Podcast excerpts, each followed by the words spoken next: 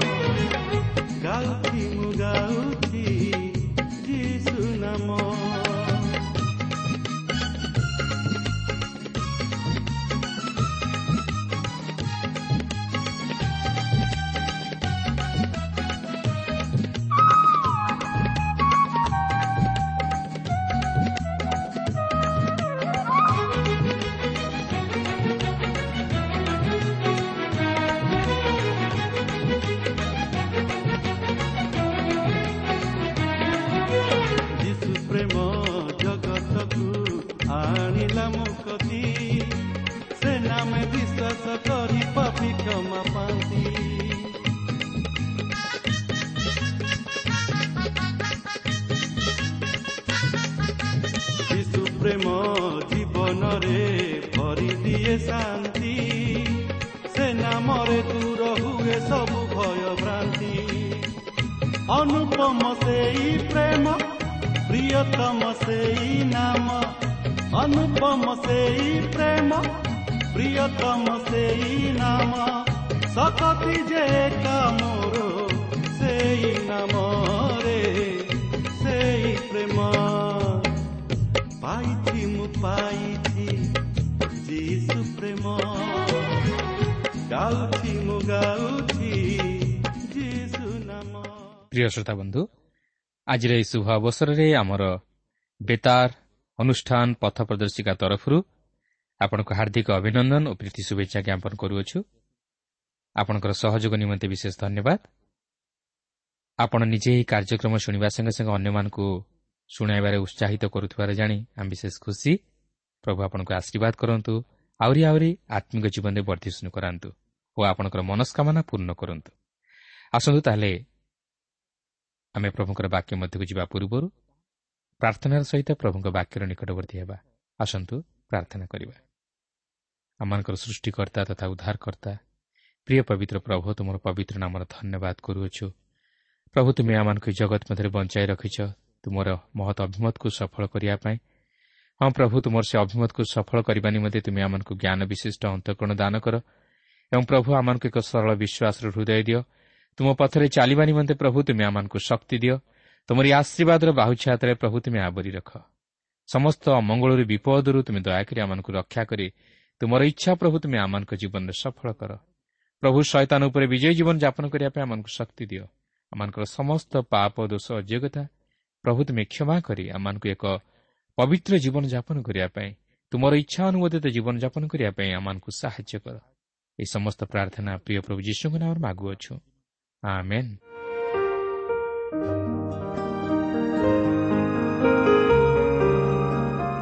ଆସନ୍ତୁ ବର୍ତ୍ତମାନ ଆମେ ପ୍ରଭୁଙ୍କର ବାକ୍ୟ ମଧ୍ୟକୁ ଯିବା। ଆଜି ଆମେ ଗଣନା ପୁସ୍ତକ ଏକତିରିଶ ପର୍ବରୁ ଆରମ୍ଭ କରି ଚଉତିରିଶ ପର୍ବ ପର୍ଯ୍ୟନ୍ତ ଅଧ୍ୟୟନ କରିବା ନିମନ୍ତେ ଯିବା। ତେବେ ଆମେ ଏହି ପର୍ବଗୁଡ଼ିକୁ ସମ୍ପୂର୍ଣ୍ଣ ଅଧ୍ୟୟନ କରିବା ନାହିଁ। ମାତ୍ର ଏହାର କେତେକ ମୁଖ୍ୟ ଅଂଶ ଉପରେ କିଛି ଦୃଷ୍ଟି ଦେବା ଓ ତହିଁରୁ ଆମମାନଙ୍କର ଆଧ୍ୟାତ୍ମିକ ଜୀବନ ନିମନ୍ତେ କିଛି ଶିକ୍ଷା ଗ୍ରହଣ କରିବା। ତେବେ ଏହି ଏକତିରିଶ ପର୍ବରୁ ଚଉତିରିଶ ପର୍ବ ମଧ୍ୟରେ ଆମେ ବିଶେଷ କରି ମୋଷାଙ୍କ ଜୀବନର ଅନ୍ତିମ ପର୍ଯ୍ୟାୟ ସମ୍ପର୍କରେ କିଛି ଆଲୋଚନା କରିବାକୁ ଯିବା ଓ ତାହାଙ୍କର ମୃତ୍ୟୁ ପୂର୍ବରୁ ସେ କିପରି ଶେଷଥର ପାଇଁ ଇସ୍ରାଏଲ୍ ସନ୍ତାନଗଣକୁ ଉପଦେଶ ଦେଇ ଓ ସାନ୍ତ୍ୱନା ଦେଇ ଈଶ୍ୱରଙ୍କର ବକ୍ତବ୍ୟ କଥା ଉଲ୍ଲେଖ କରନ୍ତି ତାହା ଦେଖିବା। ଏଠାରେ ମୁଁ ଆପଣଙ୍କୁ ସ୍ମରଣ କରାଇ ଦେବାକୁ ଚାହେଁ ଯେ ମୂଷାଙ୍କର ଅନ୍ତିମ ସମୟ ଆସି ଉପସ୍ଥିତ ହୋଇଅଛି ଓ ସେ ସେହି କିଣା ଦେଶରେ ପ୍ରବେଶ କରିବାକୁ ଯାଉନାହାନ୍ତି। ମାତ୍ର ତାହାଙ୍କ ପଦରେ ଜିହସିଓ ଇସ୍ରାଏଲ୍ ସନ୍ତାନଗଣର ନେତୃତ୍ୱ ନେଇ ସେହି ଜର୍ଦ୍ଦନ ପାର ହୋଇ କିଣା ଦେଶରେ ପ୍ରବେଶ କରିବା ପାଇଁ ଯାଉଅଛନ୍ତି। ମାତ୍ର ସେମାନେ ସେହି କିଣା ଦେଶ ଅଭିମୁଖେ ଅଗ୍ରସର ହେବା ପୂର୍ବରୁ ମୂଷାଙ୍କର ମୃତ୍ୟୁ ଘଟୁଅଛି। ତେବେ ଏକତିରିଶ ପର୍ବର ପ୍ରଥମ ଦୁଇ ପଦରେ ଦେଖନ୍ତୁ ଏହିପରି ଲେଖା ଅଛି। ଅନନ୍ତର ମୂଷା ଯାଇ ସମୁଦାୟ ଇସ୍ରାଏଲ୍କୁ ଏହି କଥା କହିଲେ ପୁଣି ସେ ସେମାନଙ୍କୁ କହିଲେ ଆଜି ମୋହର ବୟସ ଶହେ କୋଡ଼ିଏ ବର୍ଷ ମୁଁ ଆଉ ବାହାରେ ଭିତରେ ଯାଇ ଆସିପାରୁନାହିଁ। ଆଉ ସଦାପ୍ରଭୁ ମୋତେ କହିଅଛନ୍ତି ତୁମ୍ଭେ ଏହି ଜର୍ଦ୍ଦନ ପାର ହୋଇ ଯିବ ନାହିଁ। ଦେଖନ୍ତୁ ମୂଷା ତାହାଙ୍କ ନିଜ ବିଷୟ ନେଇ ଦୁଇଟି ବିଷୟ ପ୍ରକାଶ କରନ୍ତି। ପ୍ରଥମତଃ ସେ ତାହାଙ୍କର ବୟସ ସୀମା ପ୍ରକାଶ କରି ତାହାଙ୍କର ବାର୍ଦ୍ଧକ୍ୟ ଅବସ୍ଥାକୁ ପ୍ରକାଶ କରନ୍ତି।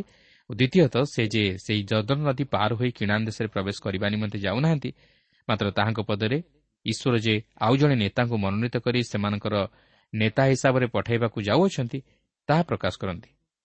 କାରଣ ଆପଣ ଯଦି ଏହି ଏକତିରିଶ ପର୍ବର ତିନି ପଦରୁ ଆଠ ପଦ ପର୍ଯ୍ୟନ୍ତ ପାଠ କରିବେ ତାହେଲେ ଜାଣିପାରିବେ ଯେ ସେ ଇସ୍ରାଏଲ୍ ସନ୍ତାନଗଣକୁ ସାନ୍ତ୍ୱନା ଓ ଧୈର୍ଯ୍ୟ ପ୍ରଦାନ କରିବା ସଙ୍ଗେ ସଙ୍ଗେ ଝିଅସିଓଙ୍କୁ ମଧ୍ୟ ସାନ୍ତ୍ୱନା ଓ ଧୈର୍ଯ୍ୟ ତଥା ଉତ୍ସାହ ପ୍ରଦାନ କରନ୍ତି।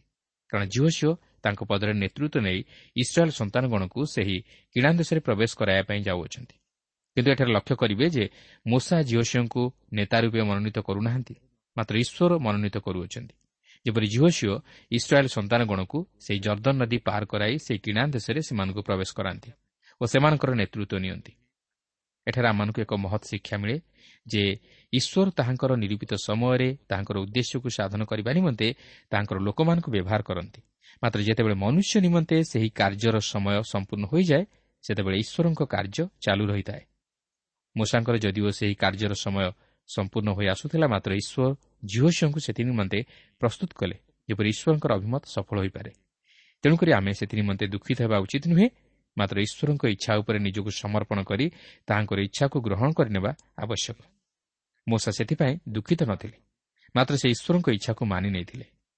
ଆଜି ଆମମାନଙ୍କ ଜୀବନରେ ଏହିପରି ମନୋଭାବ ରହିବା ଉଚିତ ଯେପରି ଆମେ ନିଜର ଇଚ୍ଛା ଅନୁଯାୟୀ ନ ଚାଲି ଈଶ୍ୱରଙ୍କ ଇଚ୍ଛାକୁ ସଫଳ କରିବା ନିମନ୍ତେ ଈଶ୍ୱରଙ୍କ ଇଚ୍ଛାକୁ ମାନି ନେଉ କିନ୍ତୁ ଅନେକ ସମୟରେ ଆମେ ନିଜର ମାନ ସମ୍ମାନ ପଦମର୍ଯ୍ୟାଦା ପ୍ରତି ଦୃଷ୍ଟି ଦେଇ ଈଶ୍ୱରଙ୍କ ଇଚ୍ଛା ବିରୁଦ୍ଧରେ ଯାଇ ତାହାଙ୍କର କାର୍ଯ୍ୟରେ ପ୍ରତିବନ୍ଧକ ସୃଷ୍ଟି କରୁ। କିନ୍ତୁ ତାହା ଆମମାନଙ୍କ ଜୀବନରେ ଦେଖା ନ ଯାଉ। ମାତ୍ର ସଦାସର୍ବଦା ଏହି ପ୍ରାର୍ଥନା କରୁ ପ୍ରଭୁ ମୋର ଇଚ୍ଛା ନୁହେଁ ମାତ୍ର ତୁମ୍ଭର ଇଚ୍ଛା ସଫଳ ହେଉ। ଏହାପରେ ଏହି ଏକତିରିଶ ପର୍ବର ନଅ ପଦରେ ଦେଖନ୍ତୁ ଏହିପରି ଲେଖା ଅଛି ଅନନ୍ତର ମୂଷା ଏହି ବ୍ୟବସ୍ଥା ଲେଖି ସଦାପ୍ରଭୁଙ୍କ ନିୟମ ସିନ୍ଧୁକ ବାହକ ଲିବିୟ ଯାଜକମାନଙ୍କୁ ଓ ଇସ୍ରାଏଲ୍ର ସମସ୍ତ ପ୍ରାଚୀନ ବର୍ଗଙ୍କଠାରେ ସମର୍ପଣ କଲେ। ଆପଣଙ୍କର ମନେଥିବ ଯେ ଏହି ଦ୍ୱିତୀୟ ବିବରଣ ପୁସ୍ତକର ଆରମ୍ଭରେ ଏହିପରି ଲେଖା ଅଛି ମୂଷା ସମୁଦାୟ ଇସ୍ରାଏଲ୍ଙ୍କୁ ଏହିସବୁ କଥା କହିଲେ ମାତ୍ର ଏଠାରେ ଆପଣ ଦେଖିବେ ମୂଷା ଏହି ବ୍ୟବସ୍ଥା ଲେଖିଲେ। କାରଣ ପ୍ରକୃତିରେ ମୂଷା ଏହି ସମସ୍ତ ବ୍ୟବସ୍ଥା ଲେଖିଥିଲେ। ପବିତ୍ର ବାଇବଲର ପ୍ରଥମ ପାଞ୍ଚଟି ପୁସ୍ତକ ମୂଷାଙ୍କ ଦ୍ୱାରା ଲିଖିତ ହୋଇଥିଲା ଓ ଯାହା ଯାହା ଘଟିବ ବୋଲି ଈଶ୍ୱର ପୂର୍ବରୁ ମୂଷାଙ୍କ ଦ୍ୱାରା ପ୍ରକାଶ କରିଥିଲେ ତାହା ଘଟିଅଛି ଓ ଇସ୍ରାଏଲ୍ ସନ୍ତାନଗଣଙ୍କ ଜୀବନରେ ଘଟିବା ପାଇଁ ଯାଉଅଛି। ଏପରିକି ଏହି ସମୟରେ ଯେତେବେଳେ ଇସ୍ରାଏଲ୍ ସେହି କିଣା ଦେଶରେ ପ୍ରବେଶ କରିବା ପାଇଁ ପ୍ରସ୍ତୁତ ହେଉଛନ୍ତି ଆପଣ ବୋଧହୁଏ ଭାବୁଥିବେ ଯେ ଯଦି ସେମାନେ ଈଶ୍ୱରଙ୍କ ଆଜ୍ଞା ପାଳନ କରିବାରେ ବିଫଳ ହୁଅନ୍ତି ତାହେଲେ ଈଶ୍ୱର ସେମାନଙ୍କୁ ସେହି ଦେଶରେ ପ୍ରବେଶ କରାଇବେ ନାହିଁ। ଆଉ ପ୍ରକୃତରେ ସେହି ସମସ୍ତ ବିଷୟ ଯେ ସେମାନଙ୍କ ଜୀବନରେ ଘଟିବାକୁ ଯାଉଅଛି ତାହା ଈଶ୍ୱର ମୂଷାଙ୍କୁ ପୂର୍ବରୁ ପ୍ରକାଶ କରିଦିଅନ୍ତି ଯାହାକି ଆପଣ ଏହି ଏକତିରିଶ ପର୍ବର ଚଉଦ ପଦରୁ ଅଠର ପଦ ମଧ୍ୟରେ ଦେଖିବାକୁ ପାରିବେ।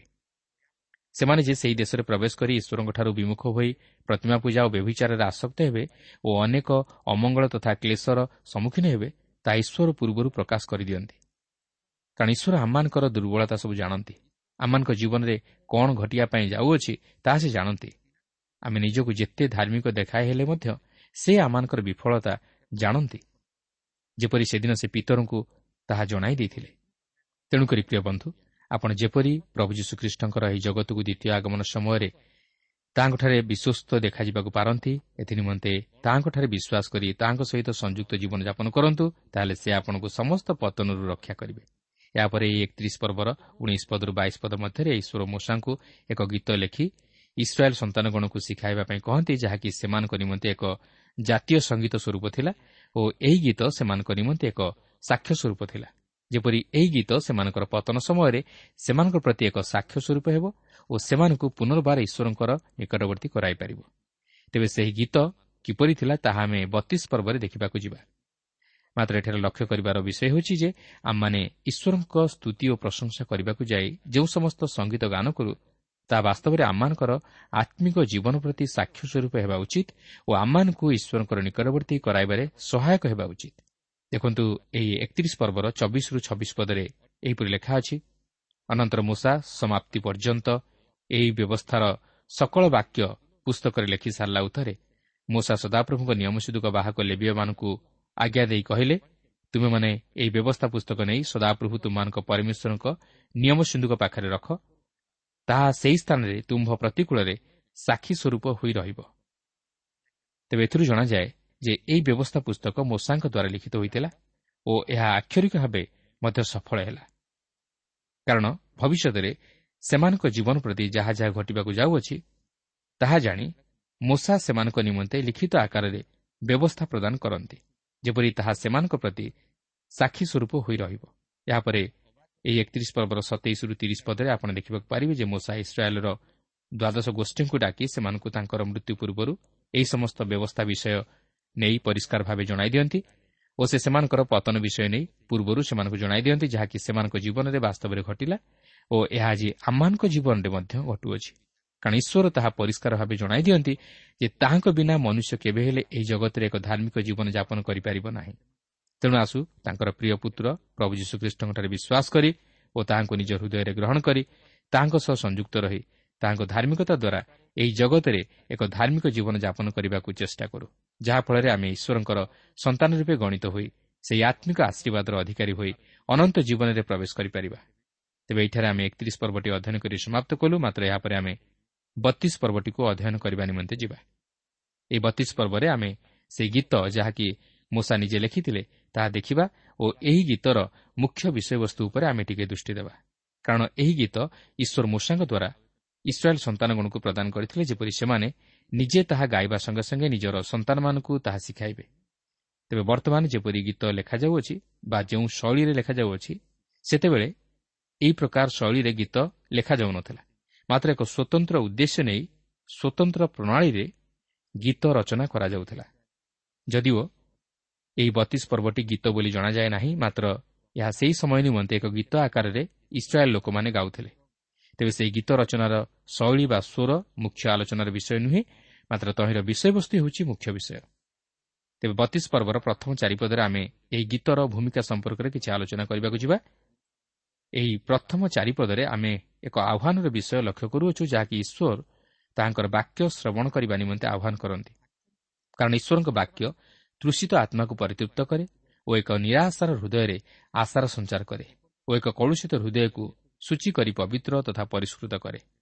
ଈଶ୍ୱର ଚାହାନ୍ତି ଈଶ୍ୱରଙ୍କ ବାକ୍ୟ ଯେପରି ଆମର ହୃଦୟକୁ ସେହି ବୃଷ୍ଟି ପରି ଓ ଶିଶିର ପରି ଆସି ଆମର ତୃଷିତ ପ୍ରାଣକୁ ସିକ୍ତ କରି ଆମର ଜୀବନକୁ ପରିଷ୍କାର କରି ଈଶ୍ୱରଙ୍କ ନିମନ୍ତେ ପବିତ୍ର କରି ରଖେ ଓ ସତେଜ କରି ରଖେ। ଯେପରି ଆମମାନଙ୍କର ସେବା ପୂଜା ଆରାଧନା ତାହାଙ୍କ ନିକଟରେ ସଜୀବ ପବିତ୍ର ଓ ଈଶ୍ୱରଙ୍କର ସୁଗ୍ରାହ୍ୟ ବଳି ରୂପେ ଗୃହୀତ ହେବାକୁ ପାରେ। ଚାରିପଦରେ ଏହିପରି ଲେଖା ଅଛି ସେ ତ ଶୈଳ ତାହାଙ୍କ କର୍ମ ସିଦ୍ଧ କାରଣ ତାହାଙ୍କର ସକଳ ପଥ ନ୍ୟାୟ ସେ ବିଶ୍ୱସ୍ତ ଓ ଅଧର୍ମ ରହିତ ପରମେଶ୍ୱର। ସେ ଧାର୍ମିକ ଓ ସରଳ ଅଟନ୍ତି। ଆପଣ ଦେଖନ୍ତୁ ଏହି ଗୀତରେ ଈଶ୍ୱର କିପରି ଭାବେ ପ୍ରଶଂସିତ ହୁଅନ୍ତି। ଏହି ଅଂଶରେ ଯେଉଁ ଶୈଳ ଶବ୍ଦଟି ବ୍ୟବହାର କରାଯାଇଅଛି ତାହା ଏହି ଗୀତରେ ପ୍ରାୟ ସାତ ଥର ବ୍ୟବହାର କରାଯାଇଅଛି। ତେବେ ସେହି ଶୈଳ କିଏ? ସେହି ଶୈଳ ହେଉଛନ୍ତି ପ୍ରଭୁ ଯୀଶୁଖ୍ରୀଷ୍ଟ। କାରଣ ଖ୍ରୀଷ୍ଟ ହେଉଛନ୍ତି ସେହି କୋଣର ପ୍ରଧାନ ପ୍ରସ୍ତର ଯାହାକି ପ୍ରଥମ ପିତର ଦୁଇ ପର୍ବର ଛଅ ପଦରେ ଲେଖା ଅଛି। ତାଙ୍କର କାର୍ଯ୍ୟ ମଧ୍ୟ ସିଦ୍ଧ। ସେ ବିଶ୍ୱସ୍ତ ଓ ଅଧର୍ମ ରହିତ ଈଶ୍ୱର। ସେ ଧାର୍ମିକ ଓ ସରଳ ଅଟନ୍ତି। ପ୍ରକୃତରେ ସେ ଆଜି ଆମମାନଙ୍କ ଦ୍ୱାରା ପ୍ରଶଂସିତ ହେବା ଉଚିତ। ଆମେ ଗୀତ ମାଧ୍ୟମରେ ତାହାଙ୍କର ପ୍ରଶଂସା କରିବା ଉଚିତ। ଏହାପରେ ପାଞ୍ଚ ଓ ଛଅ ପଦରେ ଆପଣ ଦେଖିବେ ଯେ ଇସ୍ରାଏଲ୍ ସନ୍ତାନଗଣ ଈଶ୍ୱରଙ୍କର ଠାରୁ ସମସ୍ତ ଅନୁଗ୍ରହ ପାଇବା ସତ୍ତ୍ୱେ ମଧ୍ୟ ମନ୍ଦତା ପ୍ରତି ଆସକ୍ତ ହେଲେ। କାରଣ ଏହା ହିଁ ହେଉଛି ମନୁଷ୍ୟର ଦୁର୍ବଳତା। ପବିତ୍ର ବାଇବଲ କହେ ସମସ୍ତେ ପାପ କରିଅଛନ୍ତି ଓ ଈଶ୍ୱରଙ୍କ ମହିମାରୁ ଉଣା ପଡ଼ିଅଛନ୍ତି। ସେଥିପାଇଁ ରୋମିଓ ଛଅ ପର୍ବର ତେଇଶ ପଦରେ ଲେଖା ଅଛି କାରଣ ପାପର ବେତନ ମୃତ୍ୟୁ କିନ୍ତୁ ଈଶ୍ୱରଙ୍କର ଅନୁଗ୍ରହ ଦାନ ଆମମାନଙ୍କ ପ୍ରଭୁ ଖ୍ରୀଷ୍ଟ ଯୀଶୁଙ୍କ ସହଭାଗିତାରେ ଅନନ୍ତ ଜୀବନ ଅଟେ। ତେଣୁ ଆଜି ଏହି ବାକ୍ୟ ମଧ୍ୟ ଆମମାନଙ୍କ ଜୀବନ ନିମନ୍ତେ ପ୍ରଯୁଜ୍ୟ କାରଣ ଈଶ୍ୱର ସମଗ୍ର ମାନବ ଜାତିର ସୃଷ୍ଟିକର୍ତ୍ତା ଈଶ୍ୱର। ଆଜି ଆମେ ପ୍ରତ୍ୟେକ ସେହି ପାପରେ ପତିତ ହୋଇଅଛୁ ଓ ଈଶ୍ୱରଙ୍କ ସହଭାଗିତାରୁ ବଞ୍ଚିତ ହୋଇଅଛୁ। କିନ୍ତୁ ଯେପର୍ଯ୍ୟନ୍ତ ଆମେ ଖ୍ରୀଷ୍ଟ ଯୀଶୁଙ୍କଠାରେ ବିଶ୍ୱାସ କରି ତାହାଙ୍କୁ ଉଦ୍ଧାରକର୍ତ୍ତା ରୂପେ ଗ୍ରହଣ କରିନାହୁଁ ସେ ପର୍ଯ୍ୟନ୍ତ ଆମେ ଈଶ୍ୱରଙ୍କ ସନ୍ତାନତ୍ୱର ଅଧିକାର ପ୍ରାପ୍ତ ହୋଇପାରିବା ନାହିଁ କି ପବିତ୍ର ଈଶ୍ୱରଙ୍କର ସହଭାଗିତା ଲାଭ କରିପାରିବା ନାହିଁ। ଏହାପରେ ଆମେ ଏହି ବତିଶ ପର୍ବର ସାତ ପଦରୁ ଚଉଦ ପଦ ମଧ୍ୟରେ ସେହି ଗୀତର ଆଉ ଏକ ବିଷୟ ଦେଖୁଅଛୁ ତାହା ହେଉଛି ଈଶ୍ୱରଙ୍କ ଉତ୍ତମତା। ଈଶ୍ୱର ଇସ୍ରାଏଲ୍ ଜାତି ଓ ଅନ୍ୟ ଗୋଷ୍ଠୀୟ ଲୋକମାନଙ୍କ ପ୍ରତି ଯାହା କରିଅଛନ୍ତି ତାହା ଏହି ଅଂଶରେ ବର୍ଣ୍ଣିତ ହୋଇଅଛି। ଅର୍ଥାତ୍ ସେ ସେମାନଙ୍କର ବସତି ସ୍ଥାନ ଓ ତହିଁର ସୀମା ମଧ୍ୟ ନିରୂପଣ କଲେ ମାତ୍ର ଇସ୍ରାଏଲ୍ ସନ୍ତାନଗଣର ସଂଖ୍ୟାନୁସାରେ ସେ ଲୋକମାନଙ୍କର ସୀମା ସ୍ଥାପନ କଲେ। କାରଣ ଇସ୍ରାଏଲ୍ ସନ୍ତାନଗଣ ତାହାଙ୍କର ଅଂଶ ଓ ଅଧିକାର ସ୍ୱରୂପ ଥିଲେ ଓ ଏହି ବଂଶ ଦ୍ୱାରା ଅନ୍ୟମାନେ ଆଶୀର୍ବାଦ ପ୍ରାପ୍ତ ହେବାକୁ ଥିଲା। କେବଳ ସେତିକି ନୁହେଁ ସେହି ଦୀର୍ଘ ଚାଳିଶ ବର୍ଷର ପ୍ରାନ୍ତର ଭ୍ରମଣ ସମୟରେ ମଧ୍ୟ ସେ ସେମାନଙ୍କର ଭାର ବହନ କଲେ ଓ ସେହି ଭୟଙ୍କର ପରିସ୍ଥିତିରୁ ସେ ସେମାନଙ୍କୁ ସୁରକ୍ଷା କଲେ। କାହିଁକି? ଯେହେତୁ ସେମାନେ ତାହାଙ୍କର ଚକ୍ଷୁର ପିତୁଳା ପରିଥିଲେ ଏହାପରେ ଏଗାର ଓ ବାର ପଦରେ ଲେଖା ଅଛି ଯେ ଈଶ୍ୱରଙ୍କର ଇସ୍ରାଏଲ୍ ସନ୍ତାନଗଣ ପ୍ରତି ଥିବା ତାଙ୍କର ବାସ୍ତବ ପ୍ରେମ ଓ ସହାୟତାର ହୃଦୟ ପ୍ରକାଶିତ ହୁଏ। ଯେପରି ଉତ୍କୃଷ ପକ୍ଷୀ ଆପଣା ଛୁଆମାନଙ୍କର ଯତ୍ନ ନିଏ ସେହିପରି ଈଶ୍ୱର ତାଙ୍କର ସନ୍ତାନମାନଙ୍କର ଯତ୍ନ ନିଅନ୍ତି। ସେ ସେମାନଙ୍କୁ ସେମାନଙ୍କର ସମସ୍ତ ଉତ୍ଥାନ ପତନ ସମୟରେ ସେମାନଙ୍କୁ ସୁରକ୍ଷା କରି ସେମାନଙ୍କର ଯତ୍ନ ନିଅନ୍ତି। ସେ ବିଭିନ୍ନ ପରିସ୍ଥିତି ତଥା ସମସ୍ୟା ମଧ୍ୟ ଦେଇ ସେମାନଙ୍କୁ ଶିକ୍ଷିତ କରାଇ ତାହାଙ୍କର ନିକଟବର୍ତ୍ତୀ କରାଇଥାନ୍ତି। ତେଣୁ ଜାଣି ରଖନ୍ତୁ ଯେ ଆପଣ ଯଦି ବାସ୍ତବରେ ପ୍ରଭୁ ଯୀଶୁଖ୍ରୀଷ୍ଟଙ୍କଠାରେ ବିଶ୍ୱାସ ସ୍ଥାପନ କରି ତାହାଙ୍କ ସହ ସଂଯୁକ୍ତ ଜୀବନଯାପନ କରନ୍ତି ତାହେଲେ ସେ କୌଣସି ପ୍ରକାରେ ସମସ୍ୟାରେ ତଥା ପରିସ୍ଥିତିରେ ଆପଣଙ୍କୁ ପତିତ ହେବାକୁ ଦେବେ ନାହିଁ। ବରଂ ତାହା ଅତିକ୍ରମ କରିବାକୁ ଆପଣଙ୍କୁ ଶକ୍ତି ଦେବେ ଓ ଆପଣ ଅଧିକ ତାହାଙ୍କ ସହ ସଂଯୁକ୍ତ ଜୀବନଯାପନ କରିପାରିବେ। ମାତ୍ର ଏହାପରେ ଏହି ବତିଶ ପର୍ବର ପନ୍ଦର ପଦରୁ ଅଠର ପଦରେ ସେମାନଙ୍କର ପଥଭ୍ରଷ୍ଟ ହେବାର ବିଷୟ ପ୍ରକାଶ ପାଏ। ସେମାନେ ସେହି ସୁଖ ସମ୍ଭୋଗରେ ମାତି ରହି ଆପଣାର ସୃଷ୍ଟିକର୍ତ୍ତା ଈଶ୍ୱରଙ୍କୁ ଭୁଲିଗଲେ ଓ ଅନ୍ୟ ଦେବତାଗଣର ପଶ୍ଚାଦଗାମୀ ହେଲେ। କାରଣ ମନୁଷ୍ୟ ସୁଖରେ ଈଶ୍ୱରଙ୍କୁ ଭୁଲିଯାଏ ମାତ୍ର ଦୁଃଖରେ ଡାକ ପକାଏ। ଏହା ହିଁ ମନୁଷ୍ୟର ଦୁର୍ବଳତା। ତେଣୁକରି ଆପଣ ଦେଖିବେ ଉଣେଇଶରୁ ପଚିଶ ପଦ ମଧ୍ୟରେ ସେମାନଙ୍କ ଉପରେ କିପରି ଈଶ୍ୱରଙ୍କର ବିଚାର ଉପସ୍ଥିତ ହେଲା ସେହି ବିଷୟ ଉଲ୍ଲେଖ କରାଯାଏ। ଈଶ୍ୱର କହନ୍ତି ସେ ସେମାନଙ୍କଠାରୁ ଆପଣା ମୁଖ ଲୁଚାଇବେ ଓ ସେମାନଙ୍କ ନିକଟରେ ଆପଣାକୁ ପ୍ରକାଶ କରିବେ ନାହିଁ। ତାହା ହିଁ ହେଉଛି ପାପର ପରିଣାମ। କାରଣ ମନୁଷ୍ୟର ପାପ ଲାଗି ମନୁଷ୍ୟ ଆଜି ଈଶ୍ୱରଙ୍କ ସହଭାଗିତା ତଥା ଉପସ୍ଥିତିକୁ ଅନୁଭବ କରିପାରେ ନାହିଁ। କିନ୍ତୁ ତଥାପି ଈଶ୍ୱର କ୍ଷମାଶୀଳ ଓ ପ୍ରେମମୟ।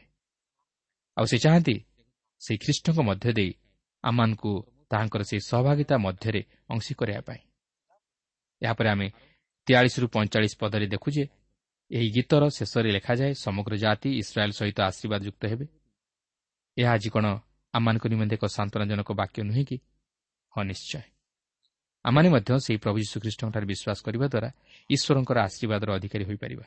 ଏହାପରେ ଛୟାଳିଶରୁ ବାବନ ପଦରେ ଆମେ ଦେଖୁ ଯେ ମୂଷା ଶେଷରେ ଇସ୍ରାଏଲ୍ ସନ୍ତାନଗଣକୁ ଉପଦେଶ ଦେଇ କହନ୍ତି ଯେ ଯଦି ତୁମେମାନେ ସେହି ପ୍ରତିଜ୍ଞାତ ଦେଶରେ ବସବାସ କରି ଈଶ୍ୱରଙ୍କର ଆଶୀର୍ବାଦର ଅଧିକାରୀ ହେବାକୁ ଚାହଁ ତାହେଲେ ଈଶ୍ୱରଙ୍କ ଆଜ୍ଞାର ବଶୀଭୂତ ହୋଇ ରୁହ। ବାସ୍ତବରେ ମୂଷା ବ୍ୟବସ୍ଥା ପ୍ରଦାନ କରିଥିଲେ ମାତ୍ର ସେ ସେହି ଦେଶରେ ପ୍ରବେଶ କରିପାରିଲେ ନାହିଁ କାରଣ ବ୍ୟବସ୍ଥା ଆମର ପାପକୁ ଦର୍ଶାଇ ଦିଏ ମାତ୍ର ପାପରୁ ଉଦ୍ଧାର କରିପାରେ ନାହିଁ। ମାତ୍ର ଈଶ୍ୱରଙ୍କର ଅନୁଗ୍ରହ ଆମକୁ ପାପରୁ ଉଦ୍ଧାର କରେ।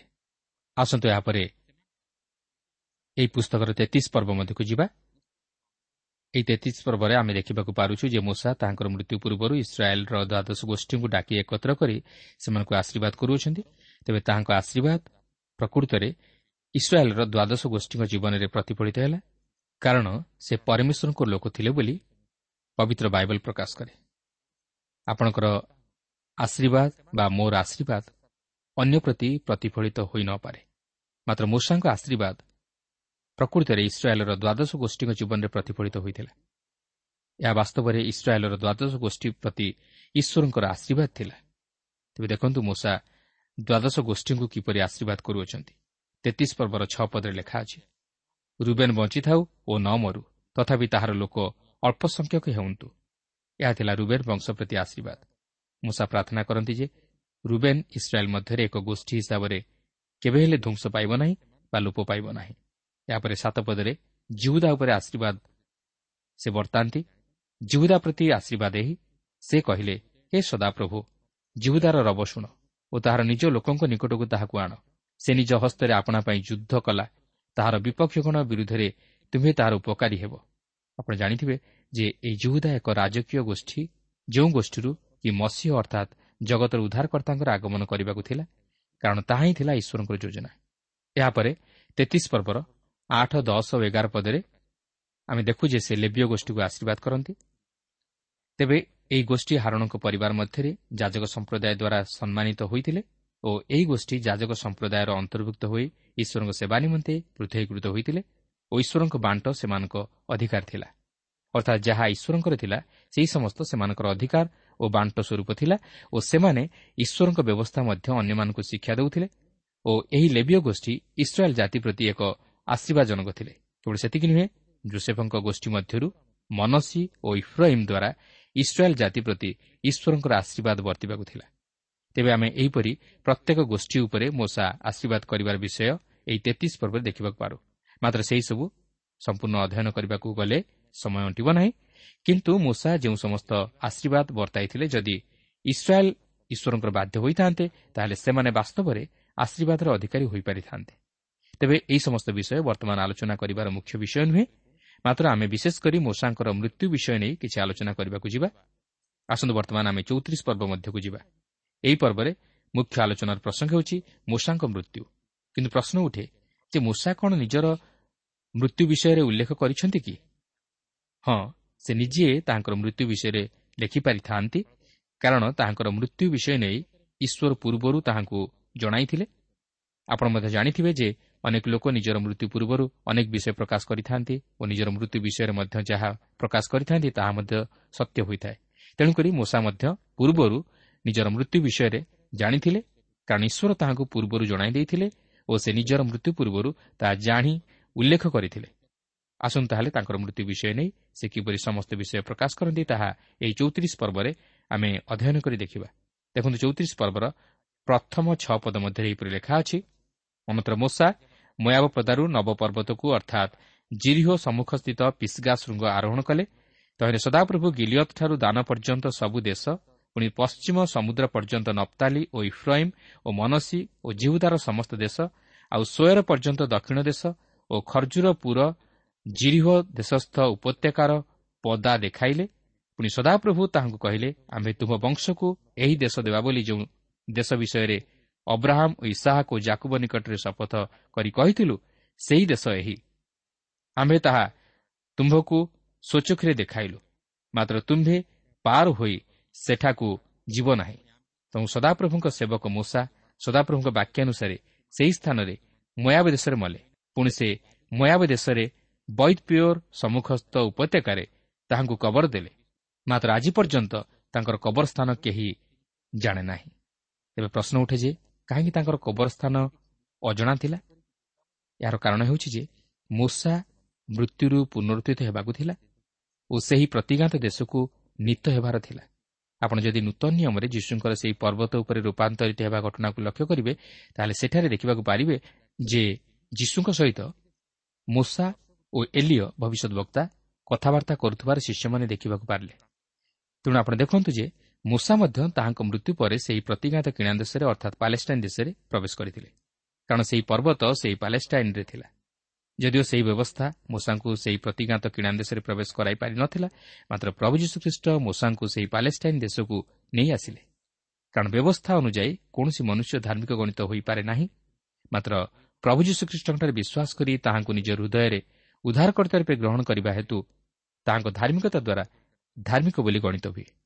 କାରଣ ପ୍ରଭୁ ଯୀଶୁଖ୍ରୀଷ୍ଟ ବ୍ୟବସ୍ଥା ଅନୁଯାୟୀ ସମସ୍ତ ଧର୍ମକର୍ମ ସାଧନ କରି ତାହାଙ୍କର ସେହି ପବିତ୍ର ରକ୍ତ ଦେଇ ଆମମାନଙ୍କ ଉଦ୍ଧାରର ନିମନ୍ତେ ପ୍ରାୟଶ୍ଚିତ ସାଧନ କରିଅଛନ୍ତି। ଯେପରି ତାହାଙ୍କଠାରେ ବିଶ୍ୱାସ କରି ଆମେ ନିଜର ପାପକୁ ସ୍ୱୀକାର କରିବା ଦ୍ୱାରା ପାପରୁ ଉଦ୍ଧାର ପାଇ ତାହାଙ୍କ ଧାର୍ମିକତା ଦ୍ୱାରା ଧାର୍ମିକ ଗଣିତ ହେବାକୁ ପାରୁ।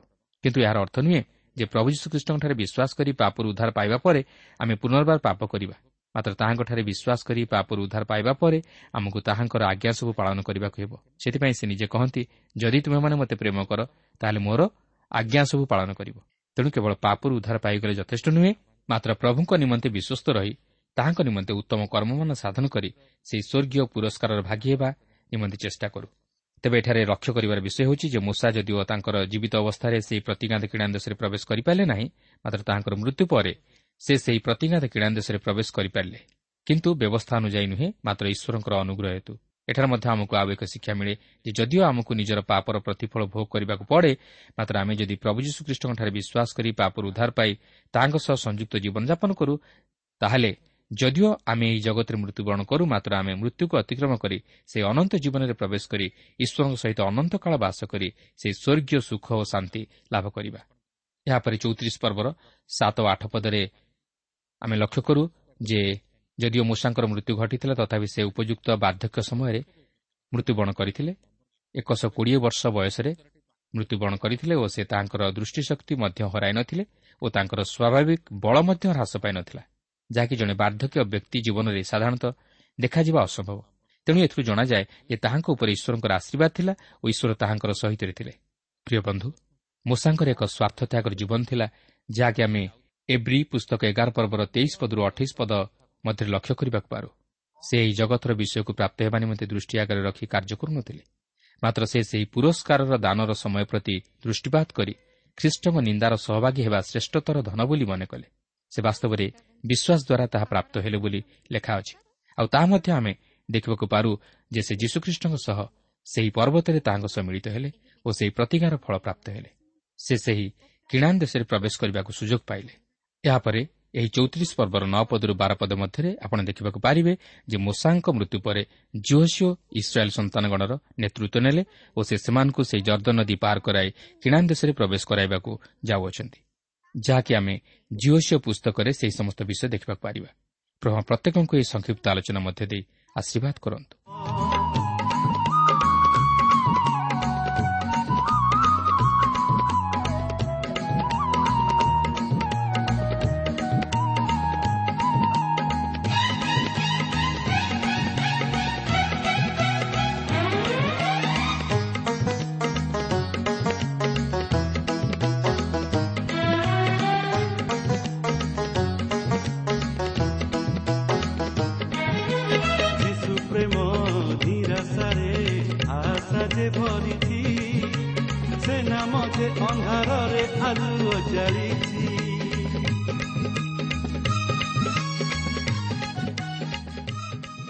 ଶ୍ରୋତା ଆପଣ ଈଶ୍ୱରଙ୍କ ବାକ୍ୟ ଶୁଣିବା ନିମନ୍ତେ ସମୟ ଦେଇଥିବାରୁ ଆମେ ଧନ୍ୟବାଦୀ।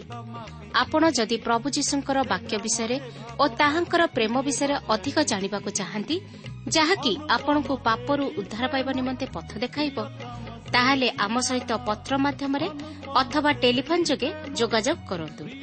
ଆମର ଠିକଣା ପଥ ପ୍ରଦର୍ଶିକା Trans World Radio India post box number ତିନି ତିନି ଭୁବନେଶ୍ୱର ସାତ ପାଞ୍ଚ ଏକ ଶୂନ ଶୂନ ଏକ mobile number nine seven double seven double two one four one five ଠିକଣାଟି ଆଉଥରେ ଶୁଣନ୍ତୁ ପଥ ପ୍ରଦର୍ଶିକା Trans World Radio India post box number three three Bhubaneswar seven five one zero zero one mobile number nine seven double seven double two one four one five ଆମର email ଆଡ୍ରେସ୍ଟି ଲେଖି ରଖନ୍ତୁ Odia TV at radio eight eight two dot com ତେବେ ଆଜି ପାଇଁ ଏଠାରେ ରଖୁଛୁ। ପ୍ରଭୁ ଯୀଶୁ ଆପଣଙ୍କୁ ଆଶୀର୍ବାଦ କରନ୍ତୁ। ନମସ୍କାର। ମୋତେ ସେଇ ନାମରେ ସେଇ ପ୍ରେମ ପାଇଛି ମୁଁ ପାଇଛି ଯୀଶୁ ପ୍ରେମ ଗାଉଛି